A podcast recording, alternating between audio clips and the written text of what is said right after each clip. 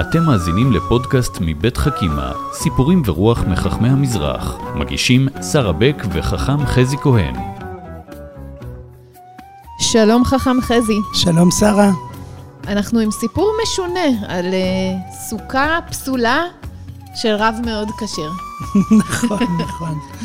אז הסיפור שלנו על uh, חכם ניסים חדורי, בגדה, תחילת המאה ה-20. חדורי זה כדורי? כדורי אצלנו, כן. יש לישראלים קשה להגות שווה בתחילת מילה, זה הופך להיות כ, כדורי. אה, מעניין, כן, אוקיי. אבל במקור זה חדורי. אוקיי. וחכם ניסים חדורי במוצאי יום כיפור, כמו הרבה אנשים בעם ישראל, יוצא לבנות uh, סוכה. Mm-hmm. מחיל אל חיל, אומר הפסוק, ונהגו במוצאי כיפור לבנות סוכה, אבל הוא בונה שתי סוכות. זה אוקיי. קצת מפתיע את האנשים, למה צריך שתי סוכות, השכנים מסתכלים, אבל זה מה שהוא בונה. למחרת, אחד השכנים שם לב שסוכה אחת היא מהודרת בצורה יוצאת דופן, והשנייה ממש פסולה.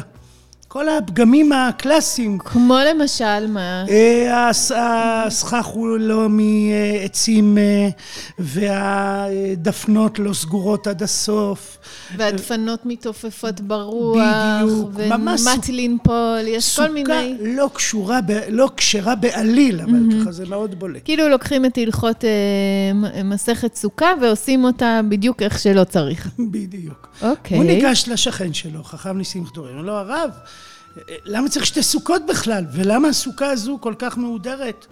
והסוכה הזו כל כך פסולה? לא נעים להגיד לכבוד הרב, נדמה לי שטעית פה, יש פה בדיוק. איזו טעות קטנה או אלף. בדיוק, אולי הוא בא עם ספר, ואמר לו מה, הראה לו מה לא בסדר.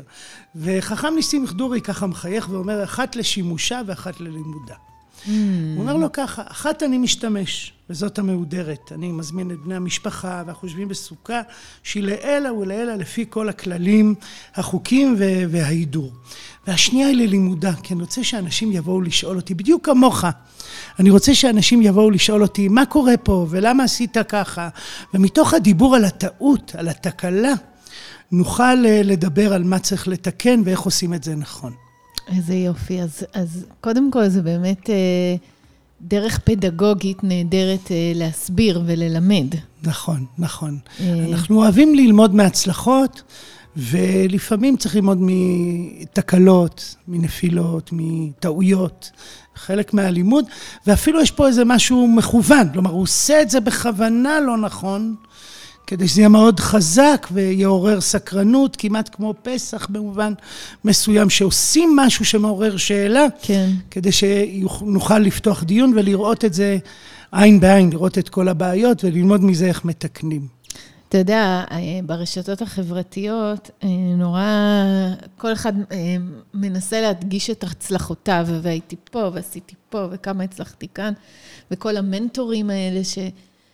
ובסופו של דבר, לפעמים המושלם הזה, זה לא עוזר לנו ללמוד אה, באמת נכון. איך לעשות בחיים. אה, כשאנחנו רואים מישהו שנפל פה ותיקן, ונפל שם ופה היה לו פדיחות, והצליח לקום מזה, זה באמת נכון. נכון. לימוד יותר אה, אמיתי, והוא גם, גם מפעיל אותנו יותר. אני חושב שהוא מעורר הזדהות קודם כל. כלומר, אני אומר, זה אנושי, זה מרגיע אותי ומצד שני מאתגר אותי. זה מרגיע אותי כי אני אומר, זה קרה גם לו, אבל זה מאתגר אותי כי זה מכוון אותי שאפשר גם אחרת, והנה הוא שיפר ועשה.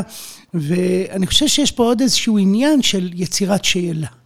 כלומר, מורה טוב מעורר שאלה. הוא לא רק נותן תשובות, אלא הוא מעורר סקרנות ושאלה, שמתוכה אפשר לפתוח איזשהו עולם, ולחכם ניסים חדורי יש איזו ראייה פדגוגית, חינוכית, מאוד אה, ברורה כאן, מאוד בולטת.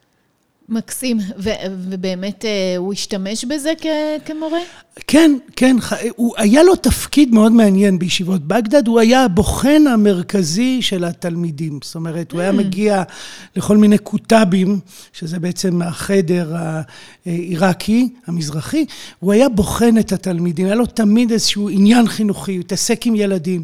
ואני חושב שזה מקרין על הסיפור, זאת אומרת, היכולת להבין שלטעות זה חלק מהסיפור, והוא להפך, לפעמים הטעות היא המרחב שממנו אפשר לצמוח, להתפתח.